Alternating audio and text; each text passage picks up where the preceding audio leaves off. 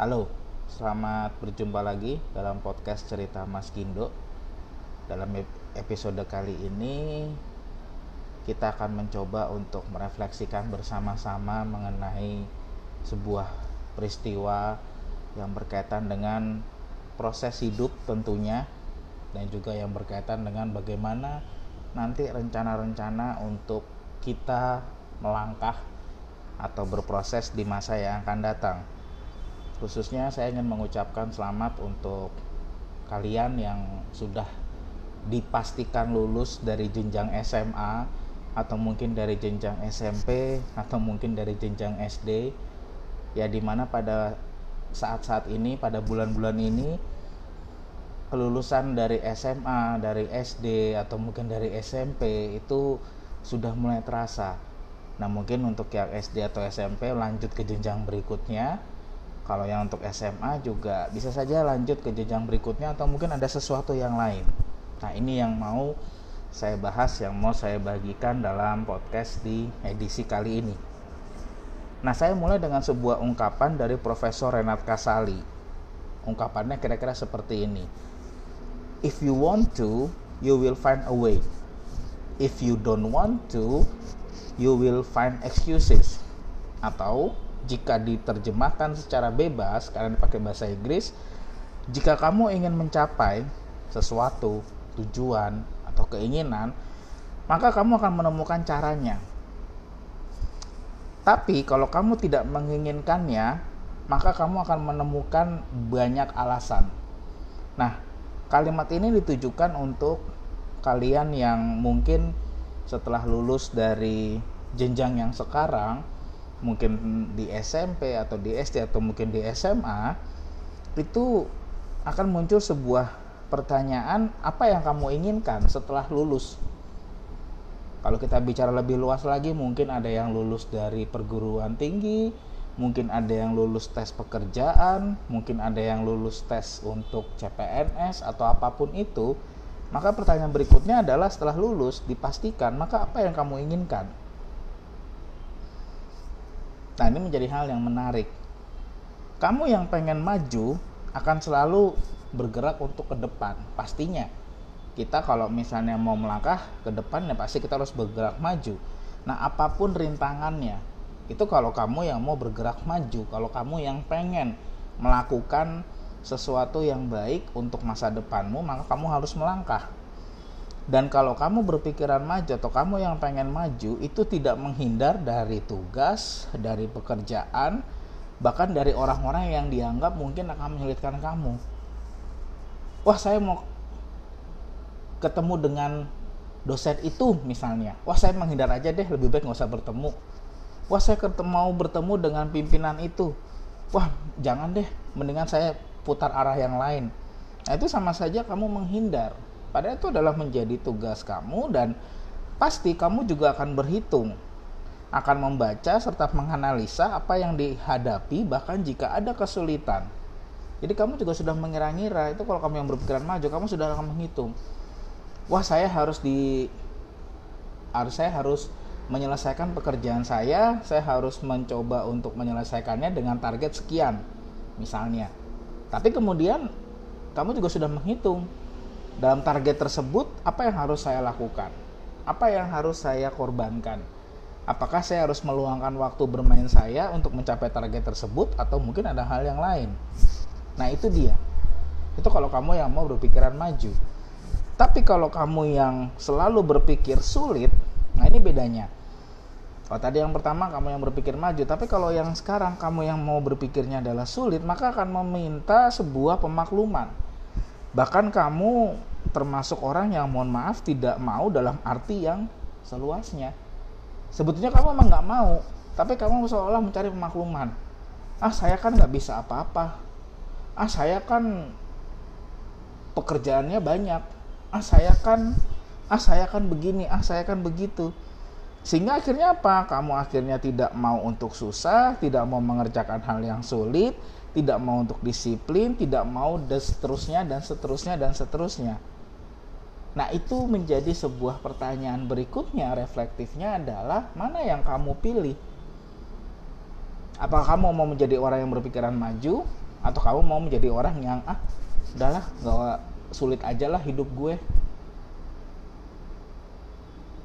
nah untuk kamu kamu yang dalam fase tersebut maka kamu harus menentukan pilihanmu mulai dari sekarang dan tentu ada banyak contoh ya ada banyak contoh dari seorang orang atau dari siapa pun yang bisa kita lihat misalnya wirausahawan atau entrepreneur atau mungkin siapa pun itu yang mereka merintis karir, mereka merintis usahanya, mereka merintis kesuksesannya itu dari hal yang sederhana.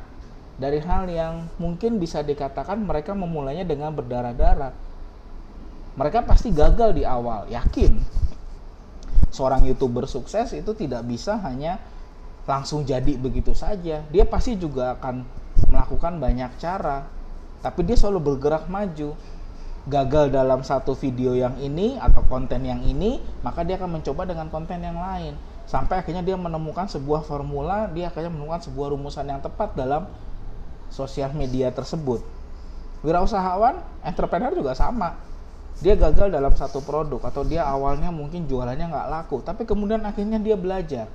Dia mencoba untuk, wah ini harusnya seperti ini. Dia rombak lagi, dia mencoba cara baru. Sampai akhirnya apa? Dia menemukan sebuah formula yang tepat dan dia mencapai kesuksesannya. Mereka pasti menemui kesulitan dan mereka juga akhirnya berani menghadapi meski dengan jatuh bangun ya. Itu sudah pasti. Tidak bisa tidak apalagi kita yang mungkin baru lulus ini atau kita mungkin yang baru merintis yang kita bukan siapa-siapa tapi akhirnya kita bisa menjadi siapa itu tergantung dari apa yang akan kita lakukan di hari ini. Kalau misalnya kita tidak bisa ya pasti kita akan menemukan alasan. Ah saya nggak bisa lah seperti itu. Ah saya nggak mau lah. Ah saya mah gini-gini aja. Ah yang penting mah sekarang saya sudah nyaman dengan apa yang saya dapatkan sekarang. Nah itu hal-hal yang mungkin pada akhirnya membuat kita tidak jadi maju. Tidak salah memang tapi apakah hanya akan seperti itu saja? Dan celakanya lagi mereka-mereka yang berpandangan demikian itu justru malah menyinyir atau istilahnya malah mengkritik atau malah membuat omongan atau membuat sebuah pemikiran yang seolah-olah orang sukses itu wah dia mah kan emang begitu. Ah dia mah karena beruntung aja ah dia mah karena privilege aja padahal kalau misalnya kita mau kita bisa seperti mereka mencapai kesuksesan tersebut maka kalau kamu mengambil semua hal yang mudah-mudah kamu belum tentu bahkan mungkin tidak punya keunggulan nantinya. Jadi saran saya adalah mencoba lakukanlah hal-hal yang sulit di mana kamu melakukan atau menghadapi kesulitan karena kamu akan dapat kemahiran. Para wirausahawan, youtuber, entrepreneur semuanya itu mereka juga makan hal yang sulit. Gimana sih caranya ngedit video? Gimana sih caranya bikin konten? Awalnya nggak bisa, akhirnya menjadi bisa. Itulah kemahiran. Nah sama seperti kita juga mungkin awalnya kita nggak bisa tapi pada akhirnya kita menjadi bisa sehingga kemahirannya apa ya minimal kamu dapat mengatasi masalah dengan proses pembelajaran kamu di sekolah katakanlah wajib belajar itu adalah 12 tahun dari SD, SMP, SMA ya kurang lebih selama 12 tahun kamu di sekolah ya kan itu harusnya kamu sudah bisa melatih diri kamu untuk mengambil keputusan yang terbaik. Seharusnya pendidikan dasar menengah yang dicanangkan oleh pemerintah Indonesia itu harusnya sudah bisa membuat kamu jadi oh oke okay, saya mantap di sini. Oh oke okay, saya mau melakukan hal yang ini. Saya mau mencoba melakukan hal yang berguna bagi diri saya. Seharusnya sehingga kamu yang mungkin nanti punya pemikiran untuk wah setelah lulus SMA saya pengen berjuang atau saya pengen melanjutkan pendidikan di universitas negeri silahkan lakukanlah itu berusahalah dengan sungguh-sungguh bahwa pilihanmu itu adalah pilihan yang tepat untuk hidupmu ya mungkin kamu yang memilih untuk kuliah di perguruan tinggi swasta. Ya silahkan kamu juga punya kemampuan kamu juga punya kapabilitas. Seperti teman-teman kamu yang kuliah di negeri bahwa kamu juga bisa berhasil dengan sungguh-sungguh dengan tekad dengan usaha yang maksimal. Dan mungkin kamu yang memilih untuk tidak melanjutkan kuliah, mungkin kamu pengen bisnis, mungkin kamu pengen gap year, yakinlah bahwa kamu pun juga mencapai kesuksesan yang sama. Semua orang berhak untuk sukses kok, tidak ada yang tidak ada yang tidak berhak untuk sukses. Semua berhak untuk sukses.